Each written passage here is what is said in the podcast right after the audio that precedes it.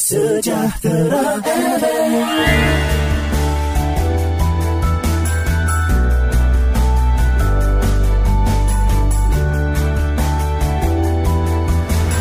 Kata hati Shalom, shalom, shalom. Semua pendengar radio Sejahtera FM yang dikasih Tuhan di mana pun saudara berada. Saudara-saudara yang dikasih dalam Kristus Yesus Tuhan, dengan hati yang limpah syukur, kita nyatakan pada saat ini segala sesuatu yang telah terjadi sesungguhnya semuanya mendatangkan kebaikan. Saudara yang dikasih dalam Kristus Yesus Tuhan, kata hati hari ini yang saya bagikan untuk setiap saudara. Tema yang saya bagikan adalah kebenaran yang memerdekakan. Saudara yang dikasih dalam Kristus Yesus Tuhan.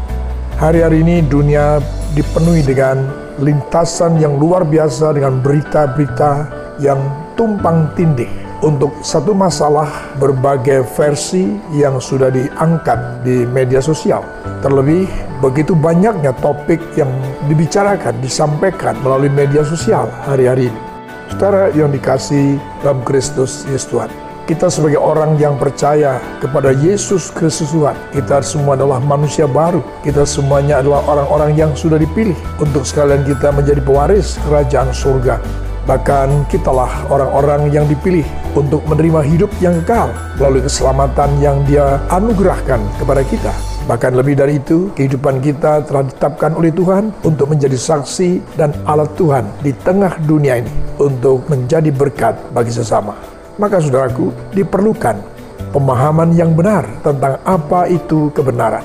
Saudara yang dikasih Tuhan, Yohanes 8 ayat 31 dan 32 maka katanya kepada orang-orang Yahudi yang percaya kepadanya, Jikalau kamu tetap dalam firmanku, maka kamu benar-benar adalah muridku, dan kamu akan mengetahui kebenaran, dan kebenaran itu akan memerdekakan kamu. Saudara yang dikasih Tuhan, pertama tentu kita layak sekali dan patut sekali untuk menyatakan rasa syukur kita kepada Tuhan. Karena oleh anugerahnya kitalah yang telah dipilih yang dilayakkan dan dibenarkan oleh Tuhan. Karena dialah sesungguhnya kebenaran itu sendiri. Maka dalam situasi kondisi dunia yang terus berubah ini, jangan sampai kita meninggalkan kebenaran itu. Jangan sampai kita keluar dari kebenaran itu. Jangan sampai kita terikat dengan kebenaran yang berasal dari dunia. Sebab kebenaran yang sesungguhnya adalah kebenaran yang datang dari atas kebenaran yang datang dari Allah sendiri. Kebenaran yang datang yang telah dinyatakan, yaitu firman-Nya telah menjadi manusia. Sehingga kita perlu waspada dan berjaga-jaga dalam menjalani kehidupan di akhir zaman hari-hari ini. Karena begitu banyaknya berita-berita bohong, berita-berita dusta, berita-berita yang diputar balikkan kebenaran tidak lagi menjadi satu kebenaran. Bahkan yang salah, yang bohong, yang dusta, karena terus-menerus dipublikasikan, bisa jadi akhirnya banyak orang yang kemudian mengikutinya. Bahkan kemudian menyatakan bahwa segala sesuatu yang dia telah dengar, yang telah dia mengerti, yang berulang-ulang dia telah menerimanya, itu dinyatakan sebagai kebenaran. Maka saudaraku yang kasih Tuhan, sebagaimana firman Allah yang sudah kita baca dalam Yohanes 8 ayat 31 dan kedua, maka kita hendaklah tetap tinggal di dalam firman-Nya. Karena firman itulah kebenaran.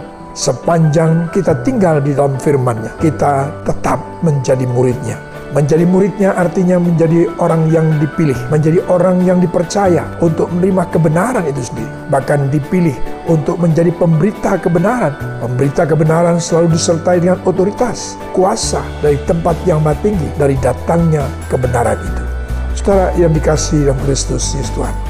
Namun sebelum menjadi saksi dan pemberita kebenaran. Firman Tuhan tadi juga menyatakan kepada kita bahwa kalau kita mengetahui tentang kebenaran itu, Artinya kita mengerti, kita menjalani, kita menghidupi dan hidup dalam kebenaran itu. Maka kebenaran itulah yang akan memerdekakan kita. Melepaskan kita dari segala kekhawatiran, kecemasan, kegelisahan apa pun juga. Yang bisa jadi saat ini sedang kita hadapi. Saudaraku yang dikasih Tuhan, inilah sungguh-sungguh saatnya kita sedang menghadapi peperangan yang sesungguhnya Peperangan bukan peperangan secara militer, bukan peperangan secara fisik, tapi peperangan pandangan, peperangan keteguhan hati, peperangan ketulusan hati. Sungguh-sungguh saat ini sedang diuji. Maka saya percaya Setiap saudara yang telah mendapatkan anugerah daripada Allah, yang telah menjadikan saudara dan saya menjadi pewaris kerajaan surga, pewaris kebenarannya. Sekali lagi, tetaplah tinggal di dalam kebenaran itu. Beribadah dengan ketulusan hati, dengan tanpa keraguan, dan penuh dengan pengharapan hanya kepada dia, sang kekuatan kita. Tuhan Allah, pencipta langit dan bumi. Tuhan Yesus memberkati kita sekalian. Amin. Sejahtera.